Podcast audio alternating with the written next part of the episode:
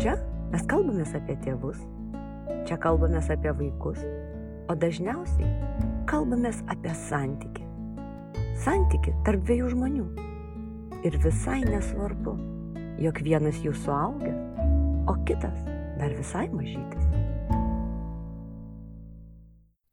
Sveiki mūsų podcast'o klausytojai. Šiandien girdite vyrišką balsą, tai mūsų podcast'as atrodys truputėlį kitaip. Mano vardas yra Andrius Burkša. Po Garbų LT turime naują rubriką, kurioje kalbėsime su tėčiais, jinai vadinasi Aš tėtis.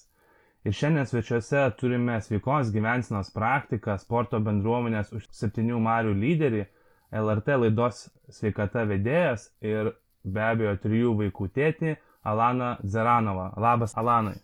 Labas, labas, Andriau, sveikas gyvas. E, beveik padarėjai klaidą ant mano vardo kirčio. Kaip ir visi padaro. Mes iš tikrųjų teisybės dėlį su Alanu pokalbio e, pradžioje kalbėjom, kaip čia geriau kirčiuoti ir aš puikiai žinau pats mano pavardė iš penkių raidžių ir vis tiek žmonės padaro klaidą. Tai gal startuokim, Alanu, nuo prisistatymą apie tave. Gal tu galėtum mm. klausytam truputį daugiau papasakoti, ką veiki kaip tau sekasi būti tėčiu ir galbūt apie savo šeimą jau gali papasakoti. Tai e, aš esu 30, palauk, kiek čia man metų dabar jau yra, oi, pasimečiau, 37, 37 metai e, ir iš tiesų esu dabar, galiu taip, jeigu labai neįsiplečiant sakyti, kad esu visiškai savose vėžiose, iš tiesų.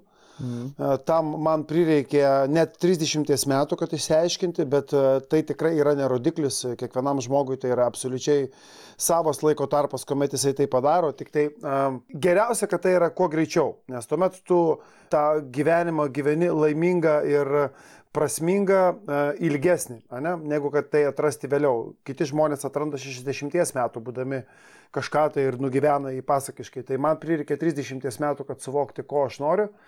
Ir šiai dienai, ką aš veikiu, realiai mano gyvenimas yra apipintas įvairiais sveikos gyvensenos kažkokiais tai elementais. Ir kalbant apie mano sporto bendruomenę, tai irgi jau septinti metai, kaip ta veikla vyksta vienoje ar kitoje bendruomenėje. Tai buvo pradžioje buvo Getfitas, po to buvo My Hero, dabar yra už septynių marių.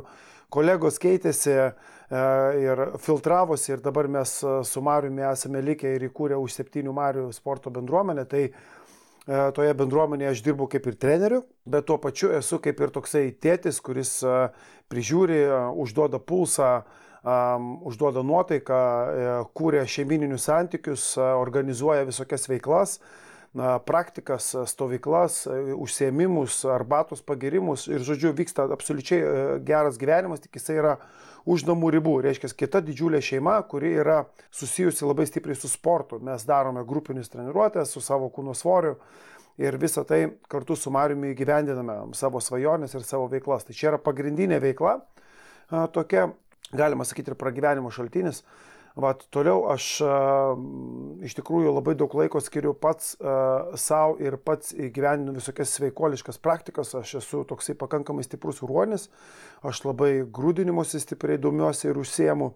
Vat, jau a, už poros mėnesių sueis lygiai tūkstantis dienų, kaip aš kiekvieną dieną lendu į šaltą vandenį, vienokiu ar kitokiu būdu. Jo, tokį buvau įsikėlę savo iššūkį, kad aš tai darysiu kasdieną. Toliau aš a, Aš mėgstu susitikinėti su žmonėmis, dalyvauju susitikimuose, turiu omeny kaip lektorius, skaitau paskaitas apie sveikos gyvensenos tematikom, apie savęs atradimo, pašaukimo atradimo, žinai, kažkokio tai va tema toliau tai gali būti kažkokie tai e, nedideli santykių aspektai, nors aš nesu ten santykių psichologas arba specialistas, tačiau turėdamas tris vaikus, turėdamas dešimties metų santoką ir turėdamas kartu su žmona absoliučiai šeimininį kažkokią tai veiklą, į kurią įtraukta visa šeima, apie kurią irgi galėsim pakalbėti, tai neišvengiamai, kad tu tuose santykiuose esi jau šioks toks ekspertas. Toliau aš turiu projektų televizijoje, turiu laidą, kurią tu irgi truputėlį neteisingai pasakai, nesveikata, o į sveikatą vadinasi vadinasi. Tokia dviprasmiška, dviprasmiškas pavadinimas, ne? mes esame įpratę sakyti sveikatą, kuomet kalbame apie kitokius užstalės dalykus, o čia mm. buvo pasakyta tiesioginė to žodžio prasme, tai reiškia, linkėdama žmonėms į sveikatą, aš kuriu turinį susijusi su sveika gyvensina, edukacinį, e, žinių prasme, įkvepiantį, motivacinį ir tuo pačiu fiziškai aktyvų, tai reiškia, aš vedu ir užsiemimus. Ir daug e, yra visokių kitokių mini dalykų, kurie atsiranda. Na, tarkime, aš turėjau gerą patirtį su Lietuvos krepšinio lyga, aš turėjau tokią svajonę vaikystės būti komentatoriumi krepšinio. Aha. Ne, ir, ir tokia svajonė atsirado, apie tai irgi galima kalbėti labai ilgai, kaip reikia tas svajonės uh, čiupti vos tik atsiradus galimybei ir jas bandyti išnaudoti, nes jos ateina ir po to dinksta. Po to vėl tau atmeta galimybę ir tu, jeigu ją pasinaudoji, vėl dinksta. Po to jinai gali iš vis nebeatsirasti. Tai toks dalykas atėjo ir mano gyvenimą 35 metų, kuomet buvau. Ir va, toks projektas mano gyvenime įsigyvendino ir aš tapau, laimėjau nacionalinę atranką ir tapau Lietuvos krepšinio lygos kaip ir komentatoriumi, bet ten vėlgi rolės truputėlį skiriasi, bet aš visada buvau prie krepšinio, aš pats buvęs krepšininkas, profesionaliai žaidžiau, mano širdis, kaip sakoma, truputėlį yra nudažyta ten oranžinė spalva kamulio, žinai, tai mano sunus žaidžia krepšinį, sostinės krepšinio lygoje, tai sostinės krepšinio mokykloje, atsiprašau, nelygoje.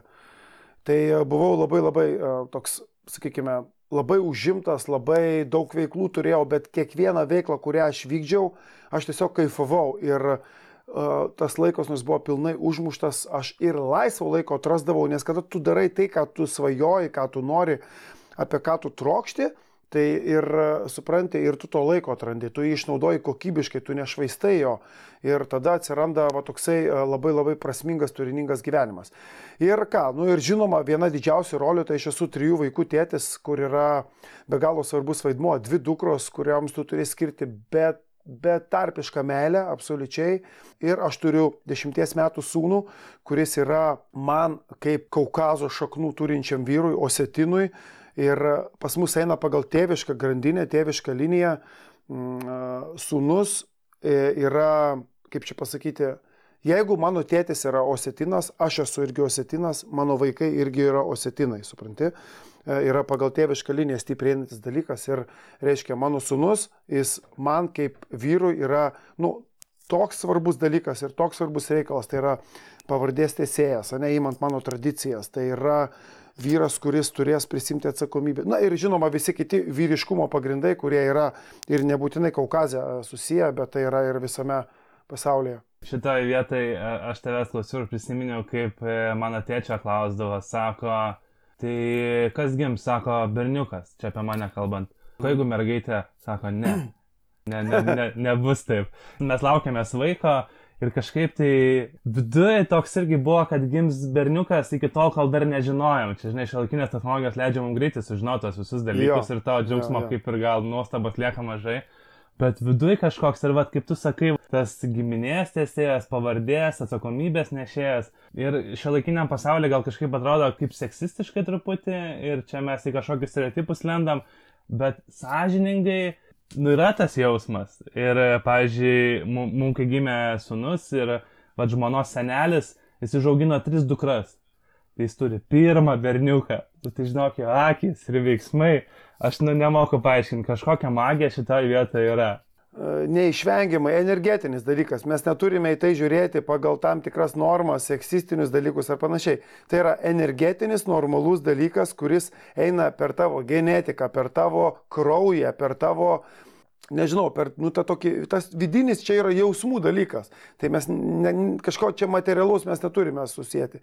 Tai yra tiesiog emocinis, energetinis, jausminis momentas, kuris vyrui yra visuomet labai svarbu. Dėl to, žinok, reikia daryti vaikus. Ir kol nepasidarysi tokio komplekto, kokio nori. Kiek, kiek, kiekvienos rušies po vieną minimum. jo. Tai va, okay, tai, okay. tai tikriausiai kažkiek tai tiek trumpai apie mane asmeniškai mes dabar išgyvenam tokį visą visuomenę, visas pasaulis tokį keistą laiką, kuris susijęs su karantinu, su lygom ir automatiškai mm. ta pirma fronto linija yra mūsų imuninė sistema. Ir natūralus yra klausimas, ir tikriausiai kaip ir akivaizdu, bet vis tiek iš tavęs kaip žmogaus, kuris visą gyvenimą to užsiema ir sėka gyvensina ir sporto, Kiek stipriai yra susijusi imuninė sistema ir sportas iš esmės? Na tikriausiai čia nereikia būti wunderkindu, kad e, šitą klausimą iš esmės suvokti. Aš galiu pasakyti, Hebra, sportas ir yra sveikata.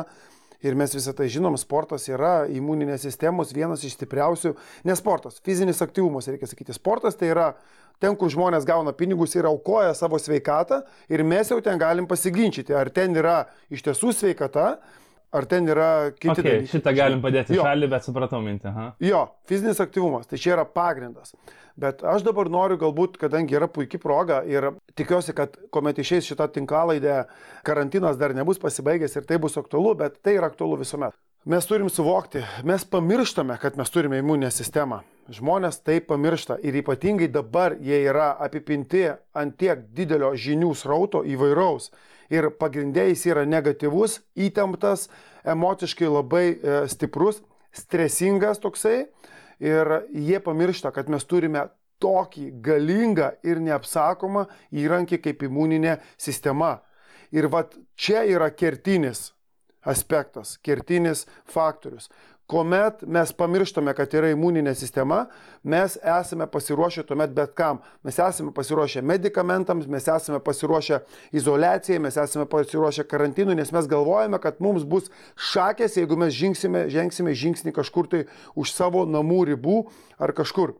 Tai mes turime pradėti visų pirma galvoti, kad mes turime fantastišką kelių sluoksnių, kelių etapų sistemą, kuri vadinasi imuninė sistema, kuri kovoja su trilijonais virusų mūsų organizme. Šiai dienai tavo, mano organizme yra trilijonai virusų, kurie, vienu, kurie patenka į mūsų ir kurie yra žudomi, kovojami ir mūsų imuninė sistema dirba keliais etapais. Ir jie, jie dažniausiai žlunga kažkur tai ten pirminiuose etapuose. Mes turime labai didelę sistemą, apie kurią dabar ten ilgai nepasakosiu. Ir aš nesu imunologas, bet ten yra, wow, aš klausausi ir domiuosi tokiais žmonėmis, kurie papasakoja tokius dalykus, kur man, man net abejonių nekyla tada iš karto. Mhm. Tai aš galiu pasakyti, kad tai yra fantastiškai galingas įrankis. Ir vienintelis dalykas, ką mes turime daryti, mes turime imuninę sistemą rūpintis. Mes turime daryti taip, kad jinai funkcionuotų visą laiką tvarkingai ir teisingai. Du pagrindiniai aspektai, patys pagrindiniai yra be jokios abejonės fizinis aktyvumas ir maistas. Čia yra du kertiniai dalykai. Fizinis aktyvumas, jis tiesiog turi būti, tiesiog turi būti. Maistas, aš sakyčiau, čia dabar neįsiplečiant ir nepasakojant labai labai daug, mes turime kaip įmanoma mažiau valgyti, aš atsiprašau už tą žodį, šūdo. Tai yra greitas maistas, tai yra, tai yra pusfabrikačiai, tai yra a, greitieji angliavandeniai, tai yra miltai, tai yra um, saldumynai, jo, saldumynai ypatingai, ypatingai saldumynai, nes saldumynai ir cukrus gamina mūsų organizme labai daug grybų. Um, um, vidiniai mūsų visi šitie uh, grybai, parazitai ir taip toliau, jie pagrindė, kandido grybas, jie pagrindė minta uh, saldumynais ir jie iš karto ne- greuna mūsų imuninę sistemą, imuninės sistemos tam, tikrus, tam tikras dalis. Tai vad atsisakykite blogų, tai reiškia blo- blogo maisto. Čia būtų geriausias pasirinkimas. ane? Tai vėlgi kalbu apie pusfabrikačius, apie greitą maistą, apie cukrus, apie miltus, kaip įmanoma mažiau, ane? šviesių miltų. Vat, ir, ir, ir tiek. Nu, pradžiai. Ir kita, kiti dalykai jau tada vėl prisideda, kalbant apie imuninę sistemą. Number one, einantis po to, yra Saulė. Ir karantino metu mes esame izoliuoti. Ką mes turime privalomai daryti, mes turime gauti Saulės. Ir jos karantino metu mes turime velniškai daug ir turime džiaugtis. Ir jūs man sakykit, ką norit, darykit, ką norit. Jūs turit eiti lauką, apsinuoginti rankas, užsidėti maikutės trumpas, galų gale nusimkit tas marškinėlius, pasigrūdinkit. Jeigu tai yra plus 7, plus 8 laipsniai, tai yra puikus oras pasigrūdinti. Pasigrūdinkit, jūs gausit geros saulės, tikro vitamino D ir jūs tuo pačiu dar pasigrūdinsite, na, nes oras yra vėsus, ne, kalbam apie grūdinimas, čia yra kita tema. To nedarote, mes turime apsiniaukusią dieną, mes turime gerti vitaminą D, jis turi būti pas mus lentynoje visuomet. Ir nebijokite jo gerti, vitaminas D yra mūsų imuninės sistemos skydas, kuris formuoja tą pirminį apsauginį etapą. Toliau vitaminas A, mes turime apsirūpinti apskritai vitaminais. Taip, tai vitaminas D, vitaminas A, vitaminas C. Trys vitaminai, kurie turi būti lentynoje visada. Tada mes kalbam apie kitus vitaminus, tai yra nesočiosios e, riebiosios rūgštys, omega 3 turi būti būtinai pas mus. Mes turime vartoti apskritai nesočiųjų riebių rūgščių, tai yra mūsų šalituvė visą laiką turi būti skirtingų aliejų, kuriuos turime gerti. Tai yra labai stiprus imuninės sistemos stiprintojas. Na ir tuomet jau prisideda kiti papildomi faktoriai. Tai yra miegas, be kurio yra neišvengiamas imuninės sistemos stiprumas. Aš labai tai pajaučiu. Jeigu aš tik tai turiu nekokybišką miegą. Nekokybiškas miegas tai yra, kuomet mano miegas nuo 12 val. nukrenta link, link pirmos ir aš nesvarbu, kada atsikelsiu. 9 ryto, 10 ryto, jeigu miegas jūsų peržengia 12 val. ribą ir jūs jau viskas, jūs jau aukojate savo e, e, budravimo, filmo žiūrėjimo, darbų e, sąskaita, jūs aukojate savo sveikatą, savo imuninę sistemą. Nes pagrindiniai regeneraciniai kūno procesai vyksta nuo 12 val. Užmygti mes turime iki 11 val. nes tada melatonino hormonas išsiskiria geriausiai iki 11, mūsų miegas yra e, kokybiškiausiai įeiname į miegą, nuo 12 iki 2 val. mes jau gauname patį stipriausią regeneracinį procesą, kuomet išsiskiria somatotropino hormonas, augimo hormonas, kuomet išsiskiria kiti hormonai, kurie, kurie regeneruoja mūsų smegenis, mūsų kūną. Nepamirškime, kad miegas tai nėra pasivumas. Kaip sakė Dalius Barkauskas, miegas tai yra pasyvus atsistatymas. Nu, žodžiu, tai yra pasyviai, bet tai yra vis, visą laiką vykstantis procesas. Ir toliau eina ten vandens gėrimas ir toliau mes pradedam kalbėti apie grūdinimąsi, apie tai, kaip yra svarbu žmogui grūdintis.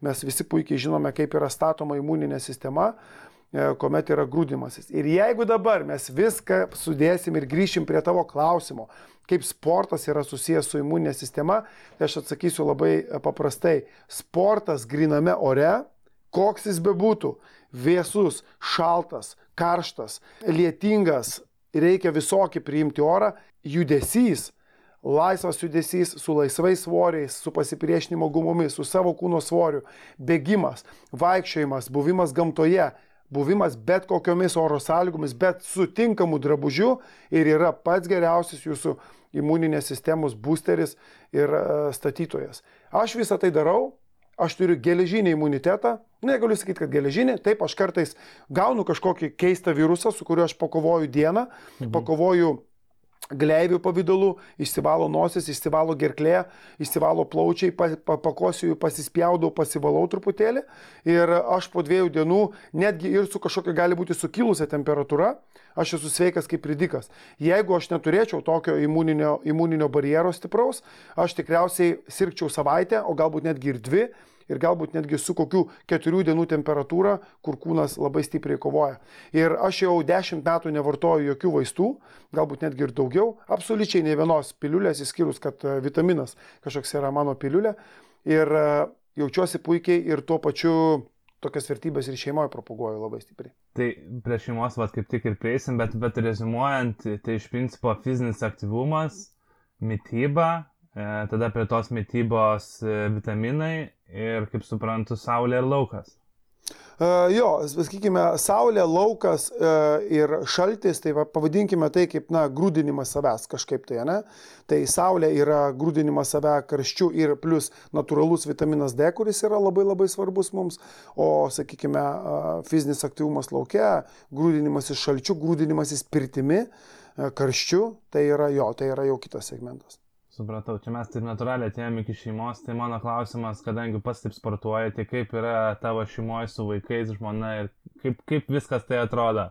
Iš tikrųjų, nėra pas mus šeimoje kažkokių tai labai gilių tradicijų ar kažkokių tai labai stiprių įpročių, kurie yra šeiminiški, susijęs su fiziniu aktyvumu, su sportu. Mhm. Asmeniškai aš savo skiriu, va, nu gerai, karantino metu iš tikrųjų sportuoju daug nes man tenka vesti online treniruotės. Kai aš vedu online treniruotės, aš turiu pats daryti. Kai aš vedu treniruotės gyvai, aš mažai pats darau, aš daugiau užsiemu priežiūrą, pastabomis, žmonių tvarkymų ten ir taip toliau, o ne kitais dalykais, energetika visa ir taip toliau, užkūrimo atmosferos. Ten mano kaip ir fizinio aktyvumo yra truputėlį mažiau. Bet aš savo asmeniškai, jeigu taip imant ne karantininį periodą, skiriu maždaug, na, 25, 35, 40 minučių per dieną maksimum fiziniam aktyvumui, sportui tam, ne? Bet kiekvieną dieną. Kalbant apie šeimą, eina visiškai tik iš pavyzdžio. Žmona be jokios abejonės yra, kadangi jau sąmoningas suaugęs žmogus, jinai suvokia, jinai žino, kam jai reikalingas fizinis aktyvumas. Uh, moteriai tai yra ir energetiniai, emociniai dalykai, vyrui galbūt labiau tai yra fizinės jėgos, vyriškumo, kaip ritualas, kaip tokio, sakykime, žinai, dominavimo, e, lyderystės toksai bruožas, ne, tas fizinis aktyvumas, tarytume, tos toks jėgos elementas. Na ir žinoma, fizinis kūnas yra, kaip e, Dalius Barkauskas sako, šalutinis poveikis sveikos gyvensenos arba teisingo judesio, tai irgi yra, galima sakyti, na, kažkoks estetinis momentas, bet jisai neturėtų būti sureikšminamas. Moteriai tai yra kiti dalykai, jinai labai gerai jaučiasi, jai tokie emociniai, energetiniai dalykai, jai būti kompanijoje, būti kažkur būryje. Tai žmona mano, jinai tai priema kaip labai labai natūralų ir reikalingą dalyką savo sveikatai, savo grožiui ir savo e, emociniai ir, ir jausminiai būkliai. Kaip mama, jai reikia atsitraukti atsitraukti nuo kažko tai, nuo darbų, nuo vaikų priežiūros ir taip toliau. Na, o vaikai tai yra visiškai pavyzdys. Ta prasme, jokios prievartos. Jeigu mes kalbame apie vaikų fizinį aktyvumą, tai imkime pirmus aštuonis gyvenimo metus vaikų mes iš vis nieko neturime jiems daryti, sakyti, liepti, mes turime tiesiog jų neriboti ir nestabdyti. Nes mes ką mėgstame? Nedaryk, nebėgiok, nešokinėk mokykloje, koridoriais nebėgiok, tą nedaryk, į lauką negalima išeiti, darželėje. Sėdėk, sėdintis vaikas pats geriausias, nebėgiok, nelakstyk, nedūk, nešauk. Va tas stabdymas yra pati didžiausia problema, kuomet mes kalbame apie, fizinių, apie vaikų fizinį aktyvumą. Tada bloga laikysena, tada vaikai serga, tada mes turime vaikų labai vis didėjantį pasaulinę problemą, tai yra vaikų viršsvoris ir e, ten diabetai ankstyvi ir taip toliau ir, ir prasideda daug, daug, daug kitų blogų dalykų. Tai vaikams pavyzdys pirma, pavyzdžiui, dabar aš e, kasdieną vedu treniruotės, ne? Ir mano mažoji, tai yra dviejų su pusės metų ateinė, jinai visuomet yra su manimi. Visuomet. Jinai išeina, jai smagu, aš ten truputėlį su ją pakvailioju, patampau, ant kersinio užmetu, jinai ten pakybo, jai smagu būti tame. Jinai atkartoja, mėgdžioja, pasimaivo, aš ten kažką į kamerą pabandau parodyti seneliam, tėveliam. Asparas praėjo pro tą patį, Aurėja praėjo lygiai pro tą patį, dabar ateinė eina pro tą patį. Taip jinai išsiugdo tokį pirminį imprintingą. Ir aš kalbu apie tai, tas pirminis jausmas, kuris ateina per pirmus potyrius. Po to jisai dinksta. Ateina 4-5 metai, vaikai truputėlį aptinksta, jie galbūt nelabai ko nori, jiem atsiranda kitų savutų, bet tas imprintingas, kuris buvo pačioje pradžioje, jisai niekur nedings, jisai bus ir jisai po to gyvenime tikrai atsiras. Mano vaikui va yra dabar vyresniajam 10 metų. Jisai jau žaidžia krepšinį ir aš suprantu, kad jau jisai turi turėti kažkokį tai specifinį šiek tiek pasiruošimą. Jis jau turi būrelius, ne, jisai atsirenka, ko jam reikia, jau aš jam turiu patarimą. Jisai jau atsupranti nuo to vaikystės atsinešęs kažkokius tai tokius mini pirminius įpročius, jisai sėkmingai tai naudos, aš manau, kad ir gyvenime. Nežinau, kas bus toliau, mes galėsime pažiūrėti ir pakalbėti po kelių metų, bet aš manau, kad pavyzdys, mes patys žinom, kad yra pati pati geriausia priemonė, kalbant apie šeimininį. Ir žinoma, kad mes mėgstam būti laukia, visi kartu išeiti e, ir, ir, ir, ir kitą kartą ir kartu pasportuoti, vieną treniruotę bendrą pasidarome, kuomet aš vedu treniruotę grupėje online nu kažkur tai. Taip, tokie dalykai vyksta ir tai yra fan. Mhm. O tu su savo vaikais nuo pat pirmų dienų, at, kaip sakėjai, pakabinė ant skersinio. Jo, jo, jo, būtinai. Su, vis, būtinai. su, vis, su visais vaikais nuo pat pirmų dienų užsiminėjai sportais. Tikrai taip, e, nuo pat pirmų dienų su visais vaikais e, ir kaip ir minėjau, jokios prievartos, e, ne, labai man sunku yra, pat, pavyzdžiui, dabar su dešimties metų sunum, aš jau žinai matau, ką aš jam galėčiau duoti, kuris galėtų būti pranašesnis už savo bendramžius. Iš fiziologinės pusės tiesiog. Taip, jeigu, mhm. jeigu tu būtum tai, tai tu būtum geresnis. Ir vat, dirbu su tuo, bet jau dabar jam atsiranda tokie truputėlį vat, pasipriešinti, jau jisai nori kažkur kažką kitką paveikti, jau kažką. Aš sakau, okei, okay, vis bandau save sustabdyti, ateis tas laikas, ateis tas laikas. Man svarbiausia jam tą samoningumą sportinį kelti ir taip toliau, ir taip toliau. Bet uh, nuo pat pradžių šitie vaikai su manimi uh, kažkokiu tai, žinoma, žaidybinę formą, smagiai, linksmai duodu. Ten vieną kartą kažkur tai ateina jie, aš jiems ganteliukus mažiukus, tokius turi po kilogramą, daviau ir ten aš jiems liepiu ten juos pernešti iš vienos vietos į kitą, o jiems čia žaidimas smagu. Ir žodžiu, tu tai turi pateikti, kad tai būtų smagu. Va čia jau yra tėvų kūryba. Ir um, tokių dalykų irgi reikia mokintis. Aha, aš čia turiu užsirašęs klausimą pratimai vaikams, tai dabar čia tavęs paklausau ir pagalvojau, kad iš principo tai tie pratimai priklauso nuo pačių tėvų, esmė tame, kad jie kartu tą darytų, bent jau to ankstyvajam amžiui, kad atsirastų tas ir santykis, ir ryšys, ir įprotis ir supratimas, kad sportuojam sveika ir kad galim tai kartu daryti. Visiškai teisingai. Mm. Ir apskritai, pratimai vaikams, aš kaip ir sakiau, svarbiausia jų yra nestabdyti, žinai, Andriu. Blogiausias dalykas yra, kuomet tu juos riboji. Jeigu tu matai, kad vaikus yra, vaikas yra, nėra toksai, kaip sakyti, aktyvus, hiperaktyvus, kaip tai yra šio laikinis jaunimas, jis yra pakankamai aktyvus ir mes to neturime suversti ant kažkokių tai saldumynų ar kažkokių tai, žinai, ten kitų dalykų. Taip, blogas maistas daro įtaką tam tikriem energetiniam procesam vaiko, bet iš tikrųjų dabar yra ir tokia karta, vaikai gimsta pakankamai, pakankamai labai aktyvūs, hiperaktyvūs tokie. Tai stenkime jų neriboti, leiskime jiem tą laisvę. Ir vienintelis dalykas, ką mes turim pasirūpinti, mes turime pasirūpinti, kad tie vaikai išeitų į lauką. Kuo dažniau. Vat mano tai yra didžiausias iššūkis kasdieną, jie privalo išeiti. O ten jau darykit, ką norit. Bėgiokit, karstikitės, mėtykit, dūkit, čiožinėkit ant medžių, dviračiai, paspirtukai, kuo mažiau technikos, kuo mažiau elektrinių dalykų, elektrinių paspirtukų, riedžių, e, elektrinių motorolerių ir taip toliau. Tegul mina pedalus, tegul atsispirinėja kojom, tegul ropoja, voliojasi. Ir kartais mums e, visi tie barimais, visi tie žinai, čia yra apsisaugojimas, mes patys save bandom apsisaugoti. Bandom apsisaugoti nuo nešvarių rūbų, nes reikės plauti. Bandom apsisaugoti nuo nešvarių rankų ir veidų, nes mums tai užims laiko juos nuprausti. Bandom apsisaugoti nuo kažkokių tai nubrozdinimų, traumelių ar kažkokių, ko jie po to gyvenime gali nepatirti. Ir visą laiką, hei, atsargiai, negalima, hei, tu to nedaryk, hei, atsargiai taip nedarykit. Velniop, jie viską patys žino, kaip daryti, jie patys žino, kaip apsisaugoti, jie turi tai patirti mes turime stengtis kuo mažiau juos stabdyti. Žinoma, mokinti, žinoma, aiškinti situacijas tam tikras, galbūt išmokti tas emocijas, kurias jie patiria per judesi interpretuoti, ne, kažkaip jiems padėti, kad tai neturi būti piktis, o tolerancija tam tikram veiksmui, kai ten draugai susipyksta per, nes pats žinai, Andriu, e, nežinau, gal dar nesi patyręs, bet matęs tikrai ne kartą, kuomet chaosas dūksta vaikai, jiems yra linksma ir tu tikrai žinai, kad bus ašarų. Nu, tuoj vad bus ašarų, nu, nu šim, žinok, šimtas procentų. Mano trys vaikai ir ateina žmonos sesė su keturiais vaikais. Septyni. Sep, septyni būna viename būryje ir jie žaidžia, jiems smagu, jiems faina, nu ir mes žinom, kad toj bus. Ir, ir, ir nu ką mes turime, mes galim juos rėkti, stabdyti, ką nori daryti, tegul. Padaro, gauna pamokų, per tas ašaras gauna pamokų, tu paaiškini taip ir taip reikia kažką kaip tėvai mes turime patys iš pradžių rūpinti savimi.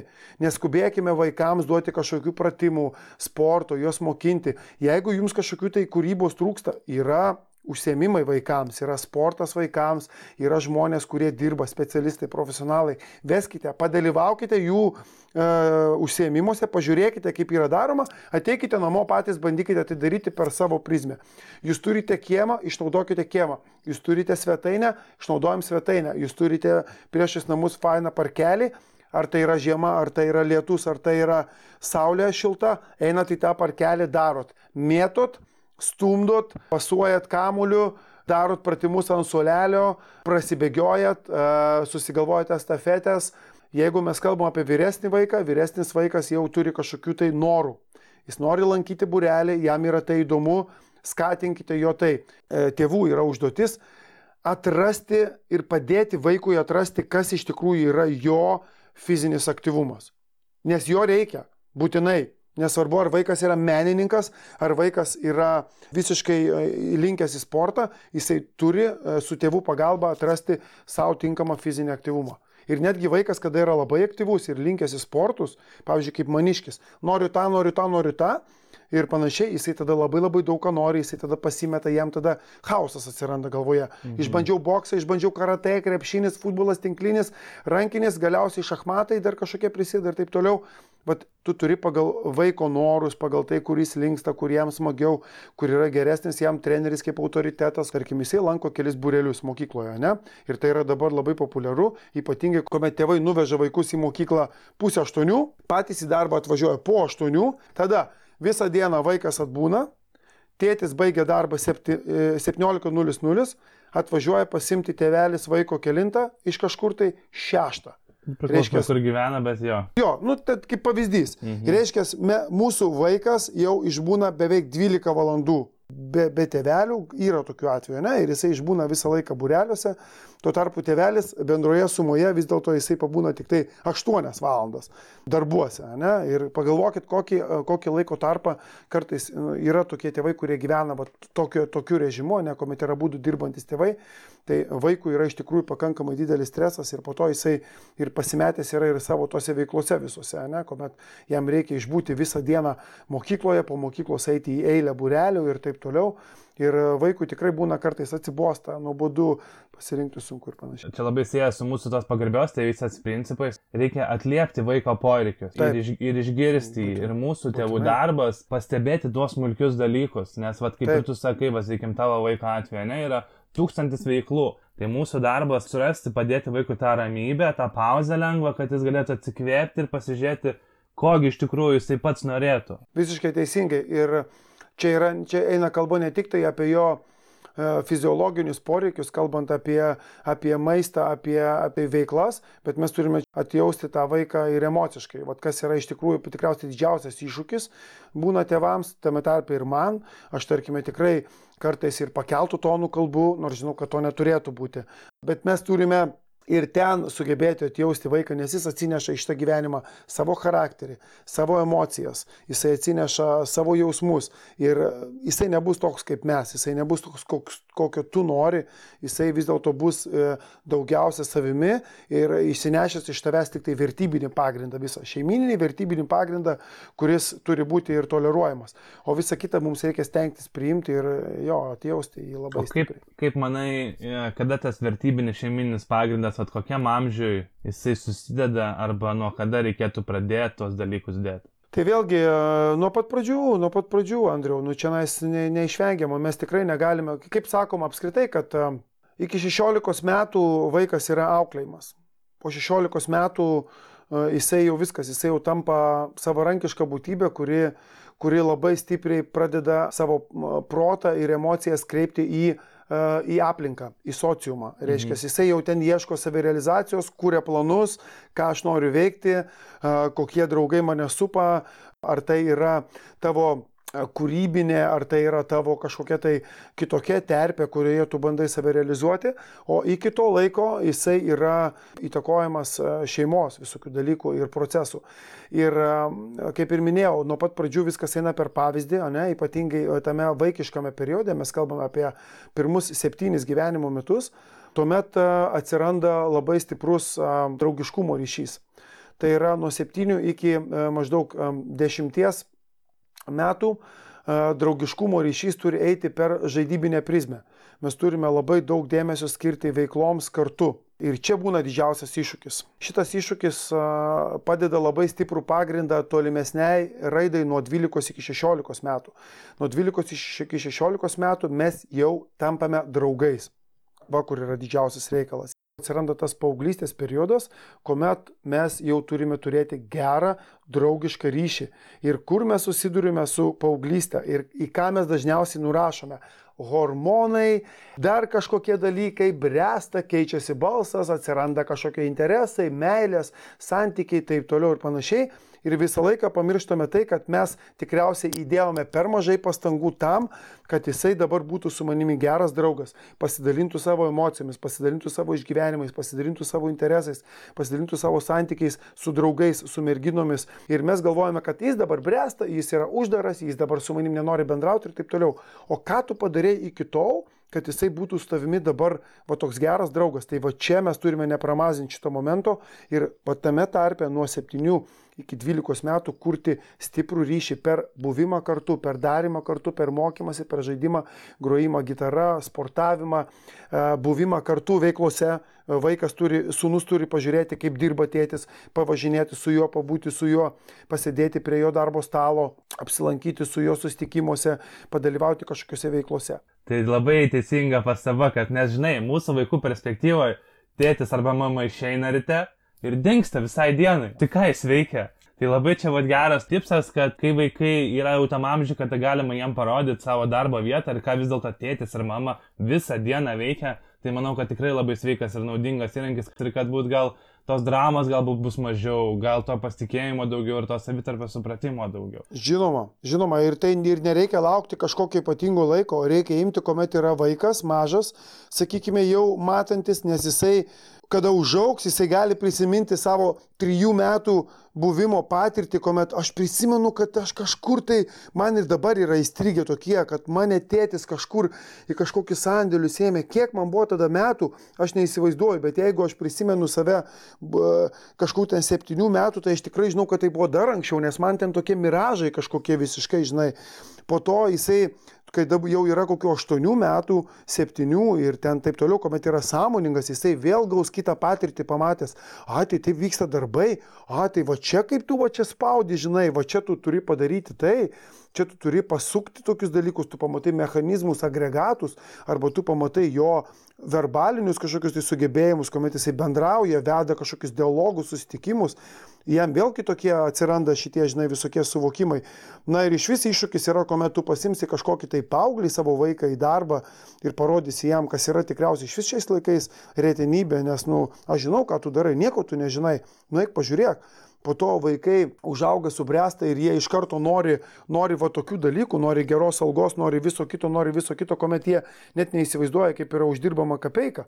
Tai tu nusivešk 17 metų, 16 metų, 15 metų vaiką ir pažiūrėk, kaip yra tie pinigai uždirbami, nesvarbu, kokia yra tavo specialybė ir kuo jinai yra sunkesnė fiziškai ir taip toliau, tuo jam galbūt aiškesnis vaizdas bus, kaip yra kaip yra uždirbamas, už, uždirbama pragyvenimas. Čia mes vėl irgi tą patį vertybinį pamatą atsiriamėm, nes mes irgi pagrabėjo tėvystė tikim, kad viskas prasideda iš principo nuo nulio, nuo nulio metų, nuo bendravimo ir tos vertybės susideda pakankamai anksti ir ką sudėsim, kokį saugusi žmogų mes norim užauginti, tokį mes ir turėsim iš principo, kaip tu sakai, žinai, čia gal taip aštriai skamba ir galbūt ką tu padarėjai dėl to, kad būtų kitaip, kai tavo vaikai jau 18 ar 16 ar ten kažkiek metų.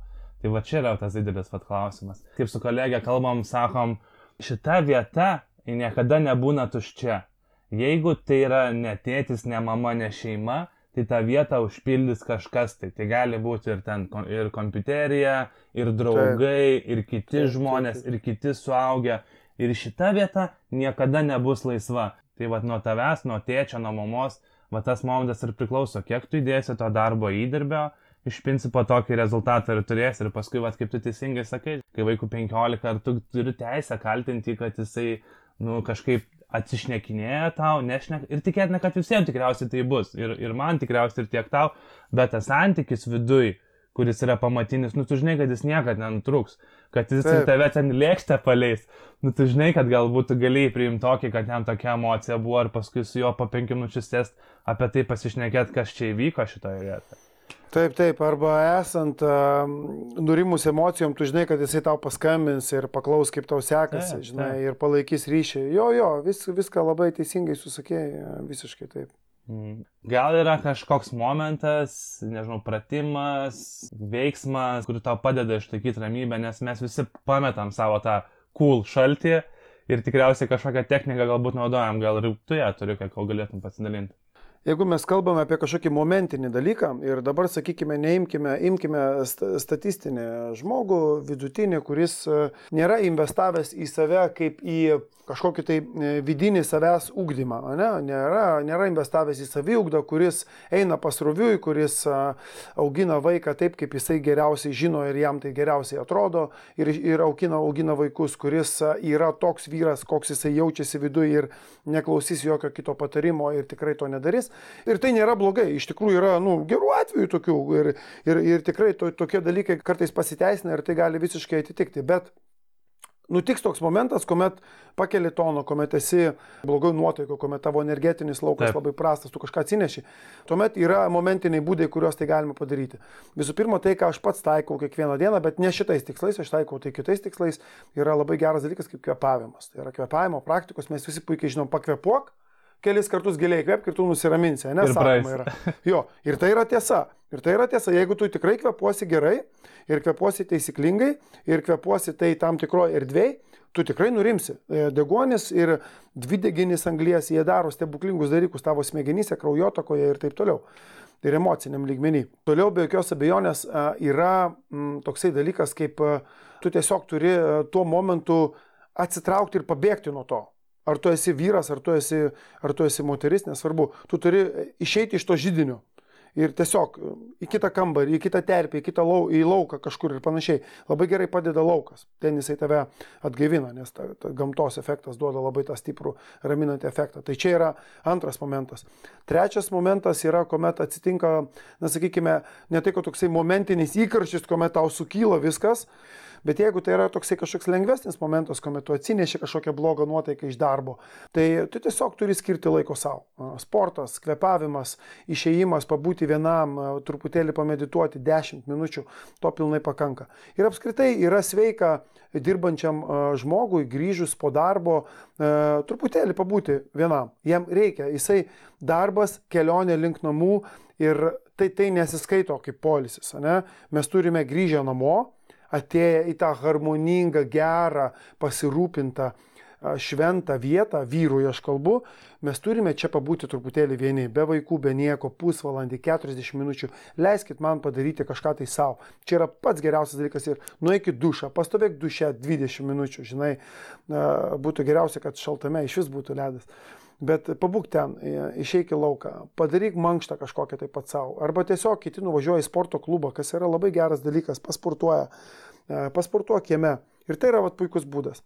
Jeigu mes kalbame apie antro tipo žmogų, kuris jau truputėlį yra įgūdęs kažkokiame tai darbė su savimi, saviugdo yra šiek tiek užsiemęs, tai jisai turi suvokti vieną, bent jau aš, davai gal aš apie save kalbėsiu, aš tai suvokiau vieną, aš suvokiau vieną dalyką nėra laiko ir nėra kada gyvenime būti negatyviam ir tam supranti. Mes turime tas emocijas, taip, ir jos išeina, ir jas reikia išgyventi. Jeigu mes tokias emocijas yra mums jos duotos, mes jas turime ir jos turi išsireikšti kažkaip. Vienintelis dalykas, kaip tu moki jas sudorot, nes negatyvios emocijos nėra gerai ilgai ir čia ateina tiesiog toks paprastas emocinis suvokimas. Kam tau to reikia? Ar tu tikrai nori gyventi tame dabar, ar tau turi, ar, ar gerai, tu pakėliai balsą, bet tu, tu turi iš karto suvokti, kas iš to, kad aš pakėliau. Nu, man dabar reikia nurimti, nes jokio tikslo iš to nėra, jokio, jokios tau tai naudos neduos. Kartais sakau, tai paima viršų, bet tu turi iš karto mokėti save nuraminti, ne? Reiškia, tiesiog paprastas sąmoningas suvokimas, kad tu tam negali eikvoti e, savo gyvenimo. Tai yra per daug brangus laikas būti piktam.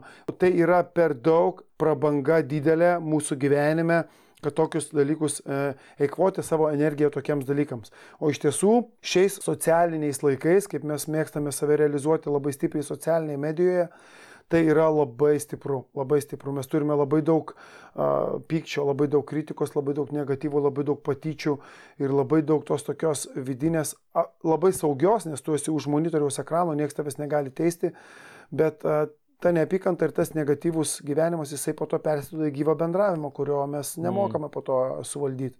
Tai va, tai kažkokių tokių priemonių aš išvardėjau tokias momentales priemonės, bet tai yra sąmoningas suvokimas, tai yra saviugda, mes turime užsimti tuo dalyku, tada tu ateis tau sąmoningas suvokimas, kad tu blogiem dalykam neturi laiko ir tu turi orientuotis ir fokusuotis į gerus dalykus arba mokytis valdyti emocijas įvairiose situacijose su žmona, su vaikais, darbe savo asmeninėje profesinėje veikloje ir žinių įgyjime.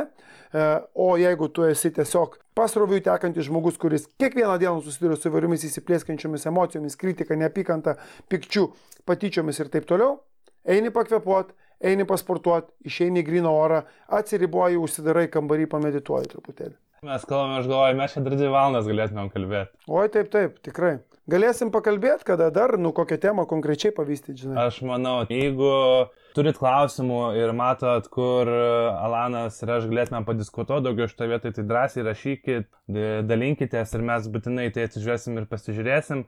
Tavo tipsai, palinkėjimai labai gerai uždaro mūsų šiandienos pokalbį.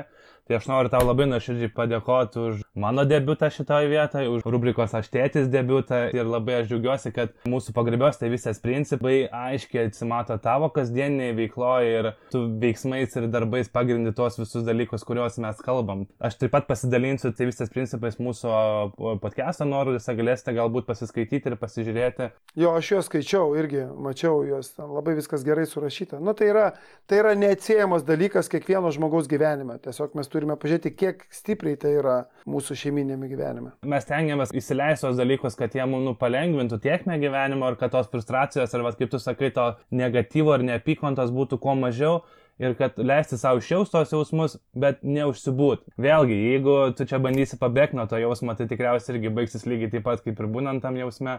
Tie pagarbios tėvystės principai yra labai gera špargalkė visam gyvenimui, visam gyvenimui. Jeigu tu turi klausimą, o kaip man dabar uh, užsimti saviugdą, kaip man dabar uh, sužinoti, kas tai yra pagarbi tėvystė, kur mokintis, iš kokių specialistų semtis žinių, tai va tu turi išpargalkę, kokiomis temomis, jau tu turi temas, ko pilnai pakanka, kad tu suvoktum viską nuo prigimtinių atsineštų uh, savybių vyro, moters, vaiko prigimtinių kažkokių tai visokių uh, dėsnių ir uh, tu žygiuoji, žygiuoji, o paskui ieškai specialistų. Čia jau yra rekomendacijos. Bet ten yra labai gera špargalkė visam gyvenimui temoms, kokiams reikia gvildenti. Liuks, labai smagu girdėti. Tai dar kartą ačiū tau, Alanai, ir iki kitų susitikimų. Rūpinkite savimi ir iki kitų kartų.